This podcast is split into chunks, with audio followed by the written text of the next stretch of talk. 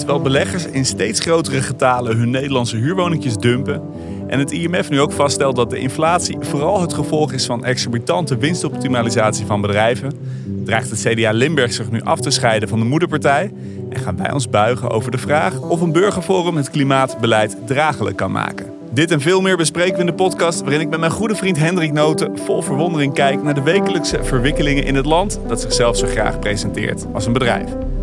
Mijn naam is Sander Heijnen en welkom in de BV Nederland. Op de algemene ledenvergadering van het CDA Limburg afgelopen zaterdag in Heel werd er zelfs gesproken over afsplitsing van het landelijke CDA. Het uh, gisteren uitgekomen rapport waarin uh, staatsagent Jeroen Kremers flink uithaalt naar KLM is ongenuanceerd en staat vol onjuistheden over KLM'ers. De overheid hoopt dat mensen hun eigen bakjes en bekers meenemen naar de frituur of coffee to go zaak. En dan we hopen dat de frieten warm blijven. Ja, Hendrik Noten. Heb jij wel eens moeten terugkomen op iets dat niet evident fout was? Nou, ik zal het je eerlijk vertellen. Sowieso uh, heb ik zelden dingen fout. Ja, zeker. Ik, ik, heb het eigenlijk altijd goed. Laat staan evident fout. Ja, laat staan.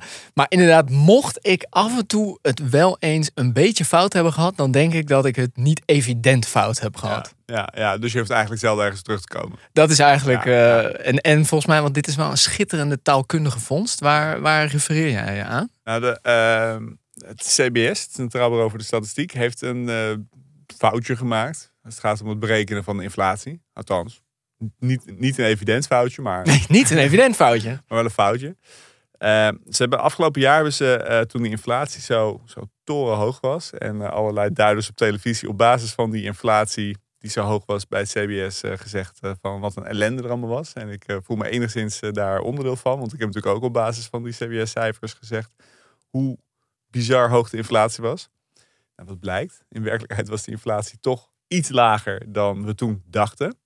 En dat komt omdat het CBS hebben heen hun rekenmethodes hebben ze de gas, even simpel uitgelegd, de actuele gasprijzen genomen en daar niet voor gecompenseerd dat de meeste Nederlandse huishoudens hun energieprijs voor langere tijd vast hadden staan. Dus niet daadwerkelijk die hoge prijzen betaalden. Ja, hun model gaat ervan uit dat iedereen een flexibel contract heeft. Ja, precies. Dus op basis van, van die, van die CBS-prijzen ging de overheid bijvoorbeeld twee keer 190 euro uitkeren.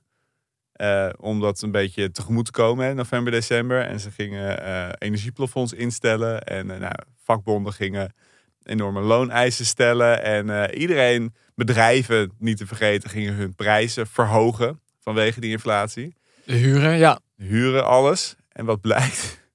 Ja, dat model klopte dus niet. Nee, ik en wil... ze hebben daar nu op terug moeten komen. Maar ze zeggen zelf, we hebben het model nu aangepast en we veranderen het. We gaan voortaan anders berekenen. Maar het was niet evident fout. Nee, en dat is overigens ook heel verstandig. Want uh, die inflatiecijfers die hebben een juridische status. Die worden ook gebruikt om bijvoorbeeld... Er zijn gewoon huurbazen, de heel lang, die zeggen... Nou, we indexeren de huur met de inflatie. Ik kreeg net inflatie een, plus een procent. Ik kreeg net een mailtje van uh, KPN. Die zeiden van, nou ja, inflatie, daarmee doen wij de prijzen ook stijgen. Ik wil het wel een klein beetje opnemen voor het CBS.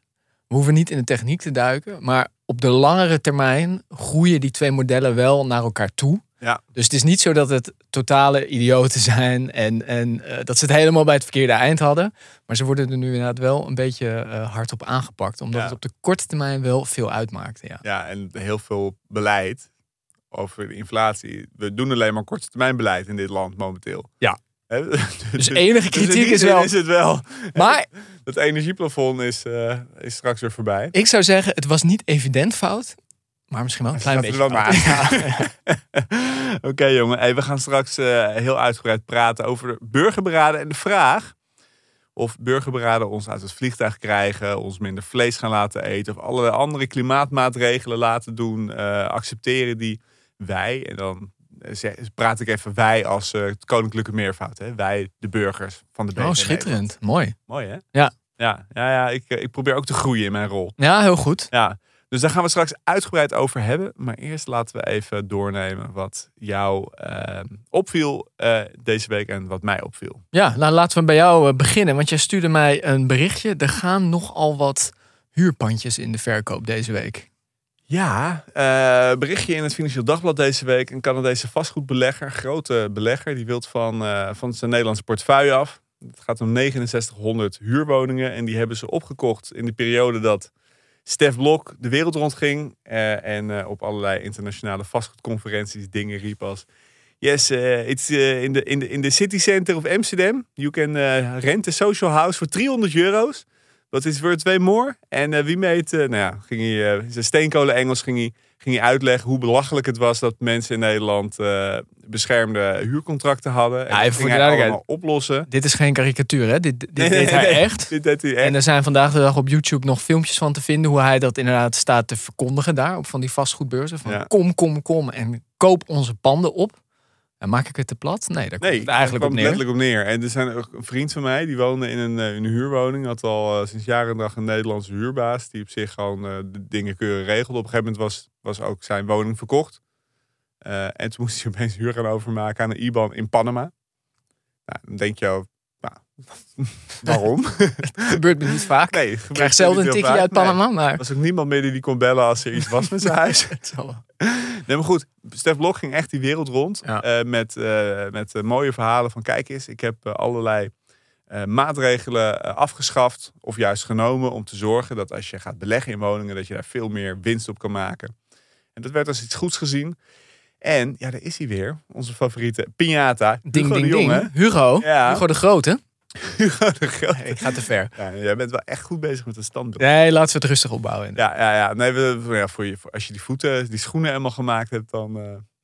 Maar goed, ehm, die is dus eh, ja, toch wel wel redelijk, eh, redelijk stevig bezig in die portefeuille. Ja. Even los van, van of het een goed idee is wat hij allemaal doet of niet. Laten we dat misschien zo meteen nog heel kort adresseren. Maar die gaat in ieder geval wel zodanig hard in. Ehm, die- heeft ook gezien namelijk van, nou ja, starters kunnen geen woning meer kopen, want die worden voor hun neus weggekocht door beleggers. Nou, laten we dat beleggen onaantrekkelijk maken. Dat is kabinetsbeleid. Zodat eh, ja, er weer meer woningen beschikbaar komen voor starters, die er dan zelf in kunnen gaan wonen.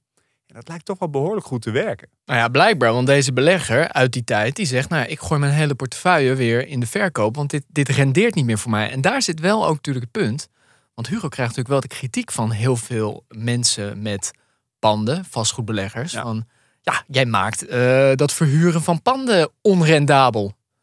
Boe. Ja, en het is ook wel grappig, hè? want ik krijg ook eh, in mijn omgeving toch ook een paar mensen die eh, gewoon ZZP'ers die als pensioenvoorziening één pandje hebben gekocht, één appartementje, of die zijn een keer doorgestroomd naar een ander huis en mijn eerste huis vastgehouden om te verhuren. En dat was ook zo'n gouden, gouden voorziening, want je kon daar heel veel geld aan verdienen aan die huur en je betaalt er geen belasting over. Ja. En dat kan je tot een lengte van, van dagen kon je dat doortrekken in je hoofd, totdat Hugo de Jonge kwam. En, eh, en die zijn ook allemaal heel erg zuur erover. Ja, want die pensioenvoorziening wordt afgepakt tussen aanhalingstekens. Ja, afgepakt. Kijk, je kan gewoon je huis verkopen. Die huizen zijn doorgaans meer waard dan ze waren toen ze ze kochten. Dus het is niet zo zielig, hè? nee. Het is eh, een stuk sneuier als jij geen huis kan bemachtigen. Ofwel maximale huur moet betalen om iemand zijn pensioen te financieren. Terwijl je zelf eh, geen woning te pakken kan krijgen. Waardoor je überhaupt niet een eigen woning eh, kan bezitten. En daar enig vermogen in kan opbouwen. Dus ik vind het allemaal niet zo heel erg zielig. Ik snap dat het zuur is als dat je plan was. Want het was een hele fijne vorm van passief inkomen. Maar Hugo de Jong is toch wel... eh, het is in ieder geval merkbaar dat hij bezig is op dat departement. En dat vind ik toch wel interessant. Ja, en een hoop mensen die dus denken... dat pandje was mijn pensioenvoorziening. En hij zegt eigenlijk, zoek je pensioenvoorziening maar elders. Ja, zoek het maar lekker, eh, zoek het maar lekker uit. Er zijn een heleboel dingen waar je in kan beleggen, maar niet in woningen. Heel goed. Ja. hey jongen, ehm, waar je eh, in had kunnen beleggen, eh, en dat had waarschijnlijk best goed gerendeerd, is Europese, of zijn Europese bedrijven. Ja? Want nou ja, jij, jij stuurde mij een bericht deze week en ik, ik voelde gewoon door, dat, ja, door mijn telefoon jouw woede heen. Het IMF heeft onderzoek gedaan naar Europese inflatie. En die hebben in kaart gebracht wat nou de allerbelangrijkste reden is voor die hoge inflatie. En dan hebben we het even over de IMF-cijfers. En die waren niet evident fout. Eh, gaan we even niet vanuit. Nee, gaan we niet vanuit. Nee. Althans, nee, daar gaan we niet vanuit. Nee, dat klopt. Kijk, eh, ik ben natuurlijk al langere tijd bezig. Nou, ik, ik zal het. Laten we niet te grote woorden noemen. Een kruistocht is het niet, maar Kweesten. een kweeste misschien wel, inderdaad. Ik nog net niet zo'n ring om mijn nek hangen. Kweesten. Ja. Je hebt wel een goede naam voor een kweesten. ja, ik zou wel een soort hobbit kunnen zijn. Ja, Hendrik is de hobbit op weg naar de vulkaan. nou, Nou ja, kijk, we hebben het er vaker over. Hè? Sinds die inflatie uitbreekt, eigenlijk vanaf dag één dat dat gebeurde, misschien niet dag één, maar week één zeker, zag je meteen een aantal televisie-economen, en daar zijn er veel van in dit land, Zeker. zit er eentje tegenover me. Oh. Ehm, eh, die zag je eigenlijk meteen roepen van, nou, de inflatie is een probleem, maar het komt uit het buitenland. En wat we vooral niet moeten doen, is dat we nu de lonen van mensen te veel gaan verhogen, want dan zouden we wel eens een loonprijsspiraal krijgen. Ja, brrr. Eng woord, was geen onderbouwing voor, geen data voor, maar daar werd meteen voor gewaarschuwd. Dus meteen, even, hè, meteen werd de schuld voor de inflatie eigenlijk alweer in de schoenen geschoven van werkenden die een beetje meer geld willen, omdat alles duurder is geworden. ja, dus eigenlijk is het wel, wordt niet te hebberig nu. Ja. Neem gewoon even die Ja, pijn. neem gewoon je verlies. Neem Ja. gewoon je verlies. Iedereen verliest. Jij ook. Hup. En nu brengt het IMF een studie uit waarin ze laten zien dat van de Europese inflatie, niet Nederland, maar Europees, dat bijna de helft daarvan niet veroorzaakt wordt door gestegen gasprijzen, de oorlog in Oekraïne, aanvoerketens, weet ik veel wat. Maar de helft daarvan door gewoon hogere winsten van bedrijven. Ja, fascinerend hè? Fascinerend. Ja. Echt veel. Ongekend hoog ook. Dat kennen we helemaal niet. Maar weet je wat ik er zo interessant aan vind? Jij bent de eerste die dit heeft uitgezocht en cijfermatig heeft laten zien. En toen ben ik dat vervolgens op televisie gaan uitleggen, hè, de grijflatie. De grijflatie. De grijflatie. Dus jij, jij hebt met jouw clubje bij FNV, met jouw onderzoekers, hebben jullie de 49 grootste beursgenoteerde bedrijven in Nederland, hebben jullie naar de jaarverslagen gekeken en toen eigenlijk dit al geconstateerd. Nou, toen hebben jullie ook die term grijflatie gemunt, heel slim. En toch, nu het IMF ermee komt, ik merk gewoon aan jou dat je eh, blij bent eh, dat je er niet evident fout was, Wat ik ook zelden ben, hè? maar dat je Ja. evident gelijk had.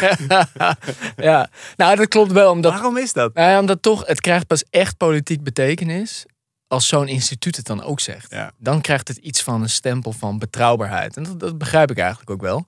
Dus je zag nu ook meteen, Pieter Omtzigt ging dan kamervragen stellen. En dan moet het kabinet er ook in één keer op reageren. Dus dan, pas dan, als die grote molochen zeg maar, het ook durven te zeggen. Dan zie je dat het, die tanker eigenlijk begint te Ja, keren. dus, dus toen FNV eh, hè, daarmee kwam, toen ging Lilian Marijnissen de Kamervragen stellen. Ja, En voor het IMF, dan komt Pieter Omtzigt in stelling. Ja. Dat is een beetje de rangorde. Ja, denk ik. Ja, en in Ja. Nederland werkt het toch zo dat... eh, ik ben groot fan van Lilian Marijnissen... maar dat als alleen zij kamervragen stelt... dan ben je er nog niet. Nee, maar als, eh, als de grote Pieter, die, die, die, die, Ja, die nog, eh, hoe zeg je dat? Pieter de Grote. Ja. ja, die zijn kweest dus nog, Die heeft ook geweest dus, ja. nog grotere eh, uitdagingen en, en, en vijanden te verslaan heeft dan Ridder Hendrik. Daar heb je wel wat aan. Daar kan je wel mee te strijden. Hendrik. Te- Hendrik, is wel lekker. lekker Ik vind het jammer dat dit hier te sprake komt. Ja, Ja. Het, is, het is dat jij hem zelf hebt bedacht. Ik kan je wel geruststellen, want is het IMF dan nu plotseling heel links geworden? Nee, dat ook niet. Oké, oh, Want het medicijn is gewoon loonmatiging. is toch? wel gewoon loonmatiging. Ja, dus de winsten zijn ook vooral hoog, omdat mensen gewoon ook nog steeds te veel geld kunnen uit. Ja, Dus als we zijn er nog niet. Als ze zorgen dat mensen minder loon hebben, kunnen ze ook minder spullen kopen. En dan gaat die winst vanzelf weer omlaag. Ja, dit is wel echt letterlijk wel Ja. ook wat erin staat. Maar ik vind het ook wel goed dat zo'n organisatie niet, niet van de een op de andere dag verandert. Maar dat ze gewoon in transitie zijn. Ja, je moet je ideolo- ideologische veren niet te snel Het begint afschudden. met een goede analyse. En dan kan je daarna eens eh, over een goede oplossing gaan nadenken. Ja, nou ja, het helpt wel, laat ik het zo Ja, zeggen. over, het is een stapje. over goede oplossingen gesproken. Ja. CDA in Limburg, die, eh, ehm, die willen zich afsplitsen. ja, dit, kijk, over niet evident fout gesproken. Vorige week, onze, onze afleveringtitel was natuurlijk... eh, de boeren geven het CDA de nekslag. Ja, Wij speculeerden over de moeilijke positie waarin Hoekstra zijn partij gemanoeuvreerd heeft. ja. Van ja, ik wil onderhandelen, ik heb het landbouwakkoord nodig. Nou, nu kwam het landbouwakkoord er niet. Nee. Dan moet je dus ja, je kaart op tafel leggen. Overigens zag ik het CDA zei zelf, nee hoor, wij, ehm, wij hebben altijd gezegd we gaan onderhandelen na het, stikst of na het landbouwakkoord. ja, dus in 2028 zijn ze de eerste die... eh, Ja, en dat zei echt, het akkoord is er nog niet. Dus wij zijn consistent, consistent in onze uitgangspunten. ja. Maar het CDA Limburg, ja, het, het rommelt en het broeit hè, in de partij. Ja, ik vind het wel fascinerend. Ik vind ook de manier waarop, weet je wel. Het is niet een... eh, een eh, en meestal dan, nou ja, als je, als je Nederland ziet als een kip in deze termen. Dus Limburg is natuurlijk een pootje. Niet dat ze die er een keer afdraaien en eraf trekken. Maar ze gaan nu een werkgroep instellen. Waarin ze gaan onderzoeken of ze zich niet beter kunnen afsplitsen. Ja. En eh, hebt in het eh, eh, draaiboek heb jij even opgeschreven dat het CDA bij de laatste Tweede Kamerverkiezingen 1 miljoen stemmen haalde, waarvan 75.000 in Limburg. Dus dat is een zetel. Ja. Eh, dus een hele zetel aan stemmen dreigt zich wellicht af te splitsen. Even ervan uitgaan dat alle kiezers meegaan met de afsplitsende lokale partij. Ja, Ehm, maar dat niet alleen. Hè. Het is ook vooral als zo'n provincie, stel dat hij dat echt doet, dan is natuurlijk het risico heel groot dat daarmee ja, die hele partij uit elkaar gaat vallen. Want Ja. dan, Ik ja, zat wel te denken met zo'n ehm, eh, onderzoek. En die studie, die ze, ze moeten wel een beetje opschieten met die studie. ze moeten tempo maken. Ja, want als ze te lang wachten, dan bestaat het CDA niet meer. Er moet wel iets zijn om van af Ja, te anders kun je splitsen. het niet meer afsplitsen. Ja, Ja, ja, Ja, het is wel waar. Ik, ik zou er wel op een meer serieuze noot eh, bij zeggen dat dit maakt natuurlijk dat CDA wel heel explosief in die coalitie. Hè? Want ja. die afdelingen gaan Hoekstra straks wel, gaan wel tegen hem zeggen van gast, wat ga je nou doen? Alle ratten verlaten het schip. Ja, En eh, ja, wat ga je doen? Ga jij eh, nu ook maar je eigen koers? Of blijf je zeggen van we gaan onderhandelen en uiteindelijk doe je niks en dan ben je weer aan het rondvliegen. En hij moet een keer gaan kiezen wat hij wil gaan doen. toch een beetje de lijn Hoekstra. Ik sta nergens voor. Ah, ja. Ja. Het is wel, ja, het ziet er wat dat betreft wel daar. eh, Ja. ja, dat is toch het lastige van een consultant in de politiek. Hè? Dat een consultant krijgt altijd van tevoren een opdracht wat er uit zijn onderzoek moet komen. En dat gaat hij dan eh, beredeneren. Hè, dat is eigenlijk ook hoe hij het landbouwakkoord ziet. Hè? Het landbouwbeleid. Van nou, kijken wat die boeren willen. En dan gaan we dat beredeneren. Ja, ja. En- het zou wel full circle zijn trouwens. Als eh, het CDA begon natuurlijk de samenwerking met de PVV. Daar ging het eigenlijk fout. Ja. Aangevoerd door een aantal Limburgse CDA'ers. Eurlings, Verhagen. En als dan nu weer met het CDA Limburg zeg maar ook ja, echt de, de, het uiteenvallen van die partij komt. Dat, dat heeft wel iets heel holistisch. En dat vind jij mooi, hè? Nou ja, er zit ja, met de kop en de staart. ja, een bepaalde schoonheid heeft ja, dat. ja, heel goed. Hey, ehm, de BV Nederland. Wij schamen ons niet eh, snel hè, als land voor eh, onze zakelijke belangen en eh, contacten. Nee. Er kwam een berichtje uit ehm, over MH17 Ja. en werkgeversvereniging VNO. onder leiding van Hans de Boer. Dan moet je even uitleggen waar het over gaat. Want die was vrij vroeg over het neerschieten van MH17 heen. Hè, kunnen we wel stellen. ja, er is een WOO-verzoek gedaan. Wet openbaarheid overheid. Overheid, denk ik. Of openbaar bestuur. Overheid zal wel. In ieder geval. eh, en daaruit komt eigenlijk naar voren dat eh, binnen twee jaar na het eh, neerhalen van eh, MH17. Toen de Nederlandse overheid nog vol in de clinch met Rusland. om überhaupt een vorm van verantwoording te krijgen. Wat er uiteindelijk natuurlijk nooit is gekomen. Bleek eigenlijk dat VNO-NCW, ondernemersvereniging. onder aanvoering van Weile Hans de Boer, toen voorzitter. Ja, al lobbyde voor een soort normalisatie van de ja, de relaties eigenlijk met Rusland. En dat hij ook binnen het ministerie van Economische Zaken daar best wel ja, gehoor voor kreeg. Kregen de handen voor op elkaar. Hè? Echt wel, ja. En ook met argumentaties als ja, Rusland ligt er nou eenmaal. En, nog belangrijker, we zijn nu eenmaal afhankelijk van Russisch gas. Ja, het gaswapen werd door ambtenaren genoemd. En daarmee werd eigenlijk druk uitgeoefend ook op het kabinet om, nou ja, eh, MH17, ja, jammer, verdrietig. Maar ja, Fuck it. Fuck it, we kunnen maar beter de Ja. relaties aanhalen. Ik vind het wel heel pijnlijk hoor, om te lezen. Nou ja, zeker. En te meer omdat, kijk, het, is reaal politiek puur sang. Hè? Van, we hebben gewoon gas nodig. Eh, ja, er zijn een paar honderd van onze mensen zijn neergeschoten. Terwijl ze op vakantie gingen of naar een congres of wat dan ook. Terwijl ze aan het reizen waren. Ze zijn zo'n poef uit de lucht geknald.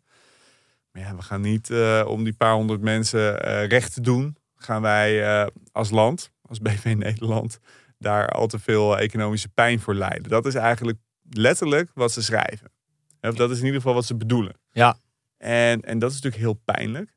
Ehm, tegelijkertijd, je kan natuurlijk ook stellen van het is goed om, eh, ook als er, tussen, als er zoiets gebeurt of nog iets heftigers, dat staten moeten zich op een gegeven moment weer tot elkaar zien te verhouden. Het is heel fijn dat we op een gegeven moment na 1945 met Duitsland weer in het reinen zijn gekomen. Maar het verschil is natuurlijk, dat werd pas mogelijk. Hè, er was zoiets als Wiedergutmachung. En er begon ermee dat de Duitsers erkenden, nou, wat wij hebben gedaan was niet tof. En ze ontkenden niet dat ze dingen hadden gedaan die ze gedaan hebben. Nee, precies. Zeggen, hè? Dat ze Rotterdam en As hebben gelegd, de Joodse bevolking hebben vermoord, eh, eindeloos veel misdaden hebben ze gepleegd. Dat is erkend, daar zijn excuses voor gekomen. En dan heb je een grond op basis waarvan er iets van vergeving en verzoening kan zijn. Ja. En, en als we dan kijken naar MH17, nu nog steeds. Ze ontkennen tot op de dag van vandaag, maar zeker op dat moment. Ik bedoel, de lijken waren net niet meer warm, maar het scheelde niet veel. ja, als er, als er überhaupt geen erkenning is dat je een fout hebt gemaakt. Yo, sorry, we hebben per ongeluk jullie vliegtuig uit de lucht geschoten. En je zou zelfs nog denken, als je het Russische regime bent, zeg, waarom vlogen jullie daar eigenlijk? Want we hadden die dagen ervoor toch ook allemaal vliegtuigen uit de lucht gehaald. Dat is best, je kan natuurlijk best redeneren, ja, het was oorlog. Sorry, we hebben het verkeerde vliegtuig neergehaald. Eh excuus. Maar niks daarvan. Ja, en, en als je dan het belangrijker vindt om je gasbelangen, terwijl we ook inmiddels weten, hè, door die oorlog in Oekraïne en het opblazen van die pijpleidingen eh, naar Duitsland, weten we van eigenlijk kan je prima binnen een half jaar van het Russische gas af Dat zijn. is des te pijnlijker natuurlijk. Dus het, is, het laat heel erg zien dat als er politieke wil is, hebben we nu gezien, als er politieke wil is, kun je dus binnen een half jaar je hele gasvoorziening omgooien en anders inrichten. En het laat dus zien, die politieke wil binnen dat ministerie. En uiteindelijk moet je ook erbij zeggen, uiteindelijk heeft het kabinet dit niet gedaan. Hè? Dus uiteindelijk eh, hebben zij, eh, eh, zijn ze niet op die lobby ingegaan. nee, want ze wilden een nieuwe handelsmissie hebben naar Rusland. En dat Precies. heeft het kabinet niet gedaan. gekomen. Die is, er niet gekomen. gekomen. Maar toch, hè, uiteindelijk op dat moment werden die economische belangen veel, veel zwaarder gewogen dan, eh, ja, dan ethisch eigenlijk verantwoord is. En dan geopolitiek en strategisch verantwoord is. En dat is wel heel goed dat dat nu bekend is. We wisten natuurlijk eigenlijk ook wel. Maar toch is het pijnlijk om te lezen. Ja, Zeker, zeker. En goed dat we inmiddels in een ander hoofdstuk zijn in ieder geval. ja. Wat dat betreft. Ja. Ja, en dan was er nog een ander ding. hè. We hadden een interview met een staatsagent die KLM moest controleren of hij de coronasteun eh, wel goed had besteed. En ze hadden dit keer niet voor een oud politicus, maar voor een oud bankier gekozen, Jeroen Kremers. Ja. Die gaf een interview aan de Volkskrant en daar ging jij nogal hard op. Ja, heel eigenzinnige man. Eh, ontzettend leuk om te lezen, ook dat interview. Ik raad het iedereen aan. Eh, hij moest controleren of KLM zich aan de voorwaarden hield van de steun. En er waren een aantal voorwaarden waarop zij eh, geld kreeg van de overheid tijdens corona. om, voor de duidelijkheid, gered te worden van faillissement. Want Ja. KLM was eigenlijk gewoon failliet op dat moment. Ja. Voor de zoveelste keer in de geschiedenis. Ja, ook. dit keer eerlijkheidshalve wel een beetje door lockdowns en Tuurlijk. externe omstandigheden. Ja. Maar toch. En hij eh, heeft daar rapporten over uitgebracht van houdt KLM zich eh, aan die voorwaarden? En het antwoord was eigenlijk nee, nee en nee. We zeggen drie keer raden, maar dat Maar moet dat- drie antwoorden. Dat niet alleen. en, en daarom heeft hij volgens mij ook besloten om een interview te geven. Hij voelde zich ook gewoon een beetje genaaid, als ik het zo mag zeggen, door KLM. Ja. Hij zei eigenlijk, ja, ik werd als controleur, als staatsagent, werd ik slecht geïnformeerd. KLM probeerde eh, eigenlijk overal over terug te onderhandelen. En uiteindelijk heb ik zelf een hele bak consultants moeten inhuren, omdat ik de informatie die ik toegestuurd kreeg van de luchtvaartmaatschappij niet vertrouwde. En dat bleek ook terecht, want er stonden allerlei foutieve dingen in. Ehm, Ongelooflijk hè, dit bedrijf. ja, en je kan natuurlijk heel erg om lachen. Dat moet ik ook, want het is echt leuk. Hij eindigt namelijk zijn interview met de uitsmijter. Kijk, eh, ik heb natuurlijk niet echt macht. Maar eigenlijk zegt hij, ik vind dat de overheid een rechts, rechtszaak moet beginnen. Want, zo zegt hij, als ze scheid aan je hebben, moet je je gezag laten gelden. Hoppa. Nou, vind ik een goede tekst. Ja. Maar het is wel, ik vind het wel, het is nogal wat dat je als bedrijf staatssteun krijgt. Eh, En dan gewoon in die hele verantwoording gewoon ja, de boel loopt te flessen. Ja, het loopt de flessen. En, en wat dat eigenlijk uiteindelijk ook doet voor het vertrouwen in de overheid, in jou als bedrijf, voor de volgende keer dat je aankomt kloppen. ook als je want die weet, zal er zijn. Ook als je weet hoe de overheid met burgers omgaat als die een foutje maken in eh, pakweg eh, de kinderopvang eh, de, de toeslag Ja. te verantwoorden. Ja. Weet je? Of, of andere uitkeringen die mensen krijgen. Weet je, als je die, die mevrouw uit met die boodschappentas, weet je, dat beroemde voorbeeld. Dat mevrouw in de bijstand en haar moeder deed één keer in de week, kreeg ze een tas met boodschappen, zodat ze net iets makkelijker rond kon komen. Dan word je helemaal kapot geprocedeerd door die overheid. Ja. Maar als jij gewoon een paar miljard in een weekend uitgekeerd krijgt als eh, steun tijdens een eh, pandemie. Ja, dan niet. En eh, bijvoorbeeld een van de voorwaarden is dat de piloten wat loon moesten inleveren. Oh ja. Nou, dat is niet gebeurd. Een andere is dat heel veel KLM-personeel woont niet in Nederland, maar op andere plekken in Europa. En de overheid vindt dat al lang het faciliteren van belastingontwijking. Want jij laat namelijk je personeel ergens wonen. Kunnen Ja. gratis met jou vliegen. Ja. Maar daar betalen ze veel minder belasting. Dus daarvan zei de staat ook, we willen best geld geven. Maar dit moet ophouden. Al die dingen niet gebeurd. Gewoon niet gedaan. Gewoon niet gedaan. Gewoon niet gedaan. Nee, eh, Gewoon fuck you. ja, ja, interessant bedrijf. Ja, echt interessant. Onze trots. Dus eh, als ze scheid aan je hebben, moet je je gezag laten gelden. Dat ga ik wel als motto nog onthouden. Ik moet dus die K gewoon eens gaan innemen. Dat het gewoon luchtvaartmaatschappij is. En dat koninklijke eraf. Ja, nou, dat zou wel. Dan heb je oorlog, denk ik. Ja, Ja, maar met wie? Het is gewoon een Frans bedrijf. ja goeie. Nou, Ja. Oké, nou leuk. Eh, ik vind het een mooie brug naar waar we het eh, over moeten gaan hebben. Namelijk eh, kunnen burgerberaden ehm, ons uit het vliegtuig jagen. En ons minder vlees laten eten en alle andere klimaatmaatregelen nemen. Daar gaan we het zo naar de break even over hebben. Ja, Hendrik Noten.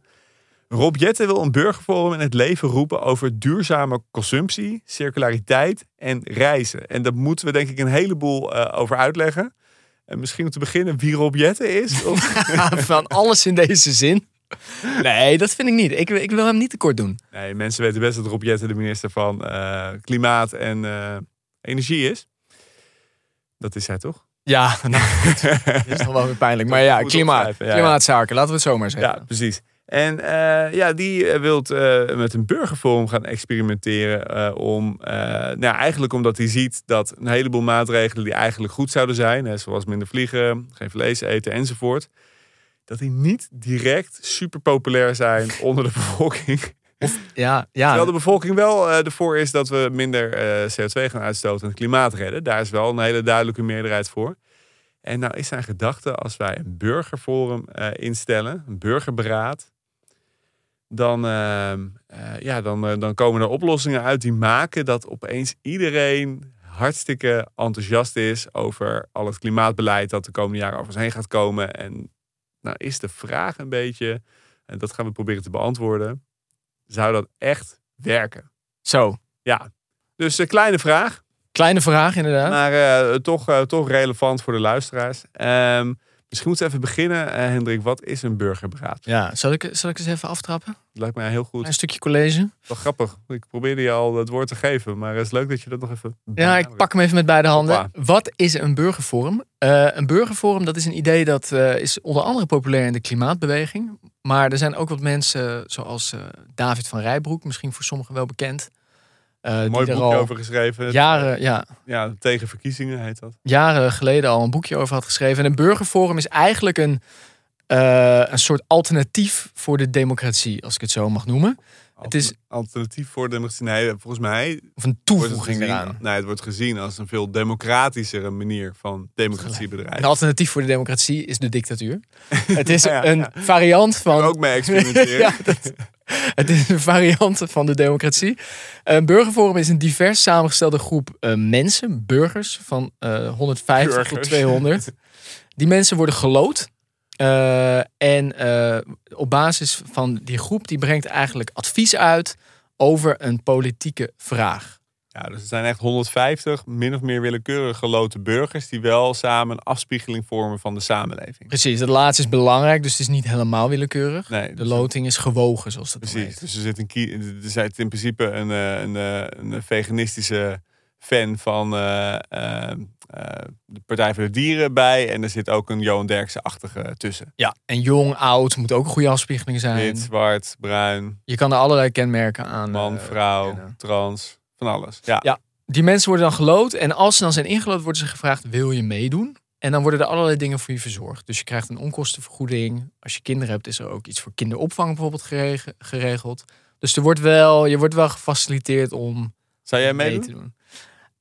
Nee, ik zou het denk ik niet Nee? meedoen. Nee. Waarom niet? Ja, misschien hoorde je het al net in de manier waarop ik burgers uitsprak. Heb jij, eh, heb jij al een crash voor jou, eh, voor de kleine? Nee. Nou, dan zou ik meedoen. Je krijgt kinderen Ja, dat wel, ja. Maar dan moet ik in, in ruil daarvoor moet ik dan wel weekenden lang met mensen gaan overleggen over of we wel of niet vlees mogen eten. Het lijkt me wel best wel pittig. Ben je gewoon barbecue in het weekend? Nee, helemaal niet. Ik, ik eet ook geen vlees bovendien. Ik denk dat er betrokkenere burgers zijn dan ik die daar meer geduld voor hebben voor Oké. Oké. Zou jij eraan meedoen? Nee, eh, ja, ik denk het wel. Ja? Ja, ik zou het wel interessant vinden. Ik heb ooit... Ja, maar echt meedoen. Niet om dan te observeren en dan hier daarover te komen praten. Weet je wel mijn, mijn, Ja, precies. mijn bestaansrecht. Ja. Ik heb ooit eh, bij een experiment eh, met een burgerforum, burgerberaad, toen, toen niemand er nog over schreef. Toen was de Universiteit Nijmegen, die deed een experiment. Ik liep toen stage bij NRC Next, 2008 of zo. En toen heb ik daar een reportage over gemaakt, bedenk ik me. Oh ja? Ja, en, eh, maar toen goed, dat ging natuurlijk nergens over. Want die mochten dan, het was een experiment van komen burgers eruit als je ze een moeilijke vraag heeft. En je zet ze aan allemaal tafeltjes. En ik had toen, als ik het herkend had als onderwerp, had ik er toen misschien wat meer over moeten schrijven. Ik heb gewoon een braaf een repo gemaakt en weer weggaan. Ja. Maar het was wel interessant. Het was wel interessant hoor. Je ziet gewoon echt totaal uiteenlopende types die dan gewoon met elkaar gaan praten over een onderwerp. Er komen een paar hoogleraren voorbij die een beetje uitleggen hoe het technisch zit. En ik had het indruk dat mensen er best wel snel uitkomen met elkaar als je gewoon, eh, ja, als je ze gewoon bij elkaar brengt. Ja. Dus dat is natuurlijk ook wat die voorstanders zeggen. Ja, want misschien even, dat, dat is wel interessant. Er is een, ehm, er is een, een historisch, denk ik, bekend voorbeeld eh, van het burgerforum, wat vaak wordt aangehaald. Ierland. Dat betreft Ierland. Ja, abortus in Ierland. Wat Ja. is daar gebeurd? Nou, wat daar aan de hand was, is dat eh, Ierland is een van de landen in Europa waar abortus eh, tot eh, zeer kort geleden nog verboden was. En het was eigenlijk vanwege de, de, de rol van de kerk in de conventionele politieke partijen. Die hebben dat altijd daar tegengehouden, zaten daar heel reactionair in. En toen op een gegeven moment hebben ze daar geëxperimenteerd met een burgerforum. Ik weet niet zeker of het bindend was of niet, maar het is in ieder geval ook overgenomen. En toen bleek als je dus, ik weet niet meer hoeveel het er waren, maar zeg eh, 200 Ieren bij elkaar zet. Eh, ook katholieken, orthodoxen enzovoort. Dat ze eigenlijk wel vrij snel eruit waren dat abortus eh, in best wel veel omstandigheden best een goed idee is om dat gewoon te regelen. Ja, ja. Dus wat daaruit kwam, en daarom wordt dit voorbeeld vaak aangehaald, dat eh, die burgers bleken veel progressiever en oplossingsgerichter dan de instituties. En de gedachte is dus, als je moeilijke problemen, waarvan het wel evident is dat het problemen zijn, als je die voorlegt aan een groep burgers, die niet de hele tijd worden belobbyd, die niet zich bezig hoeft te houden met eh, verkiezingen, of met dat ze aan een talkshowtafeltje van, ik noem een Johan Derksen, eh, die volgens mij zich niet super goed verdiept in de zaken, maar wel vrij scherpe meningen heeft over de zaken. Als ik me zo heel voorzichtig eh, formuleer. Ja, scherp als in.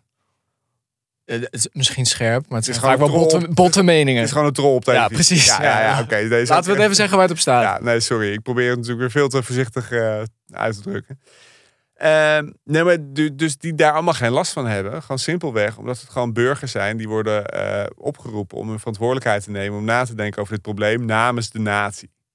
En het is dus democratisch in de ogen van de voorstanders hiervan. Het is democratisch omdat je dus iedereen kan gelood worden. Iedereen kan even geroepen worden om namens de bevolking eh, zich hierover uit te spreken. Over de een of andere kwestie. En dit is ook niet iets wat we niet kennen in democratieën. Want als we bijvoorbeeld kijken naar het Anglo-Saxische recht. En dat geldt overigens ook in België. Dan heb je juryrechtspraak. Ja. Eh, dus als er dan belangrijke zaken zijn, hè, waar moet worden bepaald hoe lang iemand, of iemand schuldig is of niet, en hoe lang iemand de cel in moet, of in de Verenigde Staten zelfs de doodstraf moet krijgen.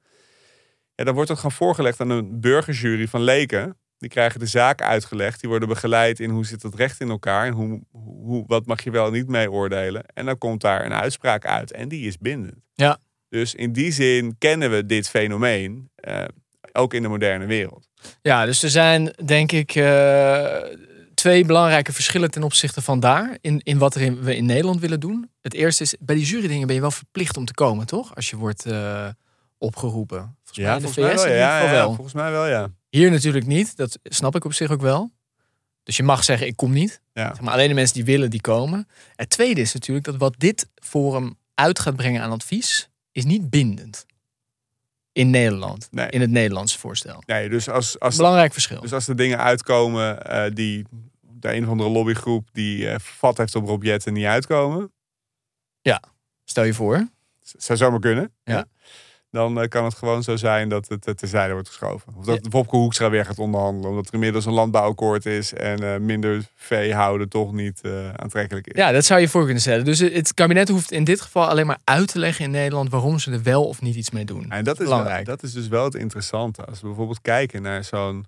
De, de, de agro-industrie, die hebben met de boer-burgerbeweging echt de ultieme, het ultieme lobbyvehikel opgezet. Ja. Hè, Die hebben Caroline van der Plas ontdekt. En die hebben haar eh, een slogan gegeven over iets met gewoon gezond verstand gebruiken. En eh, mensen vinden het ook leuk, gezond verstand gebruik, gebruiken. En die hebben dus nu echt een toplobbyist. Gewoon in het parlement zitten in de Eerste Kamer met 20% van de, van de zetels. Ehm, en dit soort dingen filter je dus eigenlijk in zo'n representatief burgerberaad natuurlijk uit. Want uiteindelijk, we hebben 52.000 boerenbedrijven in Nederland. Dus we hebben heel weinig boeren. Dus die stem die wordt niet, die zal niet heel luid doorklinken, dat boerenbelang, in zo'n burgerberaad. Kan je voor of tegen zijn. Maar als je een representatieve eh, groep mensen hebt, is dat een relatief klein geluid. En bovendien wordt dat niet zo belobbyd. En En dat is natuurlijk wat je omzeilt. Ja, dus dat is het goede daaraan in Ja. feite. Dat je meer. De, de, de meeste mensen willen verdergaand klimaatbeleid dan eh, de politiek doet. Je zegt van ik laat de belangen buiten. Dus de gedachte zou dan zijn. Nou ja, eh, de gehaktbal is een eh, heet hangijzer in, de, Ja. in het Nederlandse klimaatdebat. Eh, het vliegtuig natuurlijk ook. Ja, als we het overlaten. Windmolens in je achtertuin. Windmolens in je achtertuin. Ja, nou goed. Ja, als we het overlaten Er aan. zijn mensen die daar boos van worden. Ja, Ik weet niet.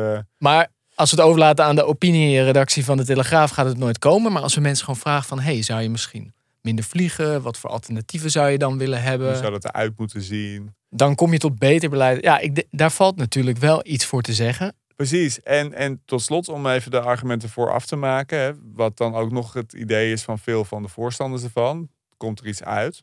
Organiseer je een referendum. Dus kan de hele bevolking het eigenlijk ratificeren. Het plan dat door, hun, eh, door, de, door de toevallig geloten burgers is gemaakt.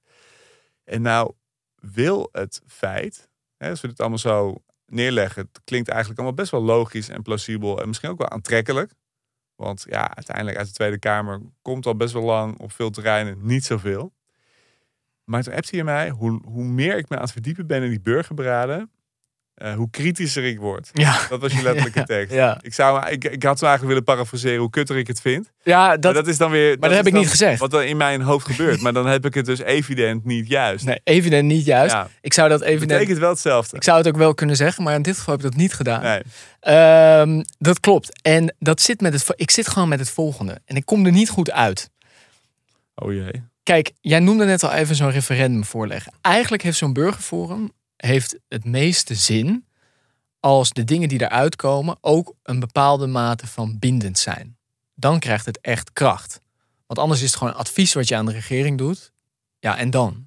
Ja, Zeg maar, wat gebeurt... er wordt genoeg geadviseerd aan de regering. En daar wordt ook genoeg van die adviezen is goed over nagedacht. Precies, dan, is het, Ja. dan kan het ook zijn dat het is... Nou, dit is een goed burgeradvies. Dank. Ik heb nog tien adviezen. Moet ik ook rekening mee houden. Ja. en bedankt. Dan denk ik dat het, dat heeft ook heel veel kwalijk effect kan dat hebben. Want dan kan het ook zijn dat het is, ja, Burgerforum heeft advies uitgebracht, maar we gaan toch wat anders doen. Dat is wat er in Frankrijk is gebeurd. Macron die heeft ook voor klimaatbeleid Precies. heeft die, eh, burgerfora ingesteld. En ik kwam niet helemaal uit wat hij voor ogen had. 90% is weggestemd in de Senaat uiteindelijk. Ongelooflijk. Ja, Dus ik kwam, niet, ik kwam helemaal niet uit. nee, jij, jij bent te genuanceerd. Ja, ja, ik spreek niet zo goed Frans. Nee, 90% is weggestemd. Dus dan, dan kan het heel kwalijk worden, hè? Heel schadelijk. Want dan, dan, dan doe je een extra stap naar burgers.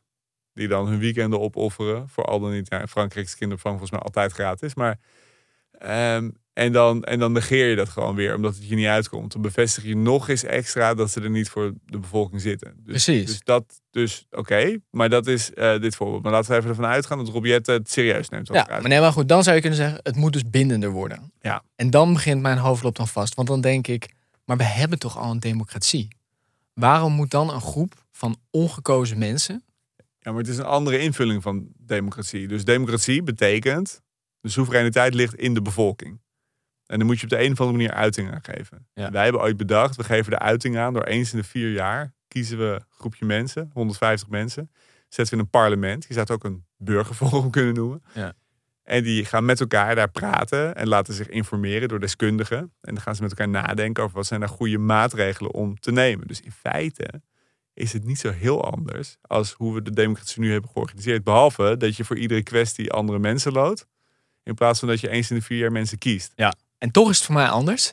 Omdat voor mij, democratie gaat niet alleen over dat jij één keer gelood bent... of er één keer op je gestemd. En dan ga je op basis van wat experts tegen jou zeggen... ga je dingen verzinnen.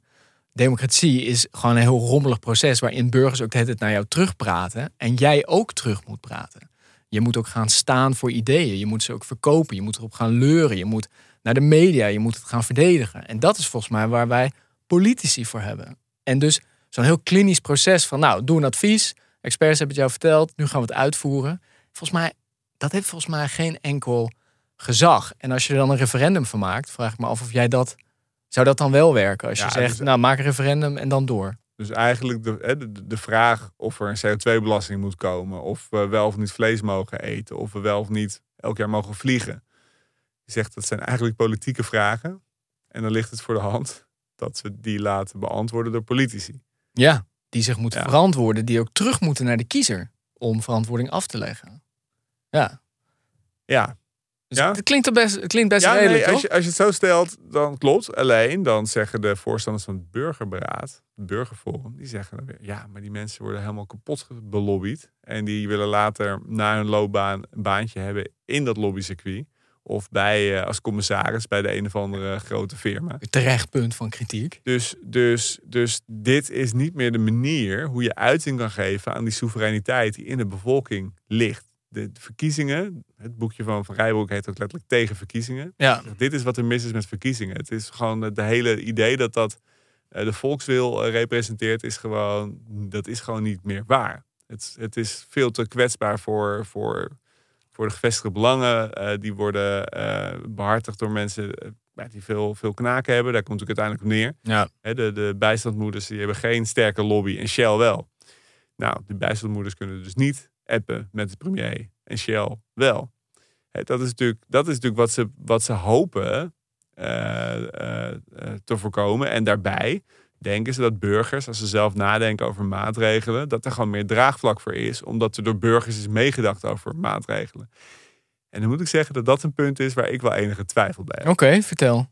Nou, als je ziet, er zijn best wel veel voorstellen de afgelopen decennia vanuit politiek, vanuit ministeries, vanuit eh, het parlement gekomen, die als je er van afstandje naar kijkt best wel redelijk is. En op draagvlak zouden rekenen. Zou zomaar kunnen, ja. Ja. Maar ieder voorstel heeft winnaars en verliezers. En wat we dus nu zien, dat mensen die last hebben, of partijen, groeperingen die last hebben van bepaalde ideeën en uitwerkingen, die gaan dat als een malle belobbyen om te proberen die publieke opinie te kantelen tegen een bepaalde ontwikkeling. Ja. En juist als het gaat om gevoelige dingen als klimaatbeleid, is het eigenlijk lekker als je een duidelijk perspectief, een duidelijk vergezicht schetst en iemand hebt die daarmee de boer op gaat en dat gaat verkopen. En ik denk als je van een afstandje naar kijkt, nou, ik vind een mooi voorbeeld. In Amsterdam wordt heel veel op GroenLinks gestemd. Ook op Eiburg. Een wijk die in het ei ligt, opgespoten is. Ja, Nieuwwijk. Ja, dus als je een beetje met een afstandje naar kijkt, heeft iedereen het goed idee dat er veel duurzame energie is. Heel Eiburg zou helemaal voor duurzaamheid moeten zijn. Ja, en dan liggen zij midden in een meer waar het altijd waait. Ja. In het Eiburg, het waait er altijd. Eh, dus toen dacht GroenLinks, nou laten we wat win- windmolens eh, rond die wijk knallen. En dan opeens, weet je wel, dan komt het te dichtbij. En dan zijn mensen daar helemaal niet enthousiast over. En ik zie niet zo goed dat als er uit een burgerberaad komt dat we meer in, eh, op x afstand van woningen windmolens moeten bouwen. Eh, bijvoorbeeld op het water, weet ik veel. Ja, ik zie niet zo goed hoe je dit soort lokale eh, weerstand daarmee wegneemt. Gewoon simpelweg een groep van 150 eh, burgers is natuurlijk niet een. Hè, je hebt niet het hele land ermee gedekt. Dus beleid kan, eh, als je er, als je woont waar jij en ik wonen, heb je helemaal geen last van die windmolens die bij Eiburg komen. Nee, Denk je, prima nou, plek. Prima, Go, doen. zet ze daar maar neer. Ja, En ik zie niet zo goed. En, en vervolgens hebben we een medialandschap waarin heel makkelijk goede ideeën helemaal kapot worden gemaakt. En ik zie niet zo goed hoe een burgerforum, zeg maar, dat probleem wegneemt. Omdat ik nog steeds denk dat als er uit een burgerberaad komt er een heel goed afgewegen voorstel over vlees of over weet ik veel wat. Ja, en dan kijk je naar een talkshowtafel van Johan Derksen, waar elke dag eh, ruim een miljoen mensen naar zitten te kijken. Ja, en die gaat dan natuurlijk niet denken, oh, dit is door geloten burgers. Die gaat dat gewoon kapot zitten maken. En allemaal lui op Twitter gaan het kapot zitten maken. Ja. En ik zie niet hoe het burgerforum dat wegneemt. precies. Dus eigenlijk, het, het, en voor een deel draagt het bij, maar dan begint ook pas een deel van de opdracht. Een opdracht die echt aan politici is. Dat je het gezag hebt om ervoor te gaan staan, het te verdedigen. Ook een visie hebt van waarom we het doen. Ja. Mensen daarin mee kan nemen. En alleen vanuit de inhoud een, een probleem oplossen. Kan Eigenlijk- nooit dat bewerkstelligen. Eigenlijk wat Hugo de Jong op die woningmarkt probeert Ja, nou, het is dat jij het zegt. Maar, Ja. nee, maar, maar goed, dus dat is interessant. Dus dan, als je er zo naar kijkt, dan zou het wel degelijk een waardevolle bijdrage kunnen leveren aan goede ideeën.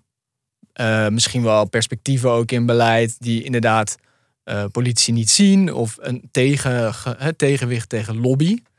Maar kan het het ook nooit helemaal overnemen? Dus is het ook maar een beetje wat je ervan verwacht? Nou, dat. En als we dan toch even naar, terugkeren naar die centrale vraag. Krijgt het burgerberaad ons het vliegtuig uit? Ja, stel dat burger, burgerberaad komt tot de enige, de enige duurzame oplossing voor vliegen is niet vliegen op dit moment. Ja. Want vliegen is gewoon wat je op individueel niveau kan doen. Het allervervuilendste wat je kan doen. En ik, ik, ik ben op zich, ik, ik spreek niemand op aan die met vliegtuig op vakantie gaat. Hè. Dat moet iedereen voor zichzelf bepalen. Maar stel dat burgerberaad komt met een dwingend pakket om mensen echt substantieel veel minder te laten vliegen. Dus met hogere accijnzen, hogere belastingen, of misschien wel met quota, noem maar wat. Is er dan draagvlak voor? Hè, bedenk maar zelf als luisteraar, als jij als 150 geloten burgers eh, eh, zijn gekomen met, met een voorstel waardoor jij niet eh, jouw favoriete land meer kan bezoeken, omdat jij niet mag vliegen daardoor. Ja, ben je daar dan enthousiast over? Nee, dat is, ik denk dat dat heel lastig is.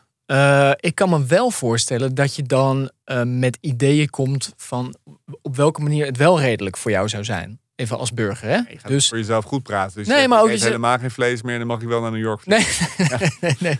Wat nee, maar dat je- ongelijke grootheden zijn. Dat je zegt, oké, eh, zo'n quota wil ik wel over nadenken, maar dan zou ik nodig hebben dat eh, treinreizen gratis wordt. Of dat, ik heb echt geen idee. Dat soort dingen moeten daar natuurlijk uitkomen uit zijn burgerberaad. Dus Ja. Het kan een aantrekkelijk pakket uitkomen. En het idee is ook dat dit hele gesprek dan wordt gevoerd. Alleen die stap naar het draagvlak, Nee, die heb je dan nog niet. die heb je nog niet. En dat is natuurlijk het verschil met die abortus in, eh, in Ierland.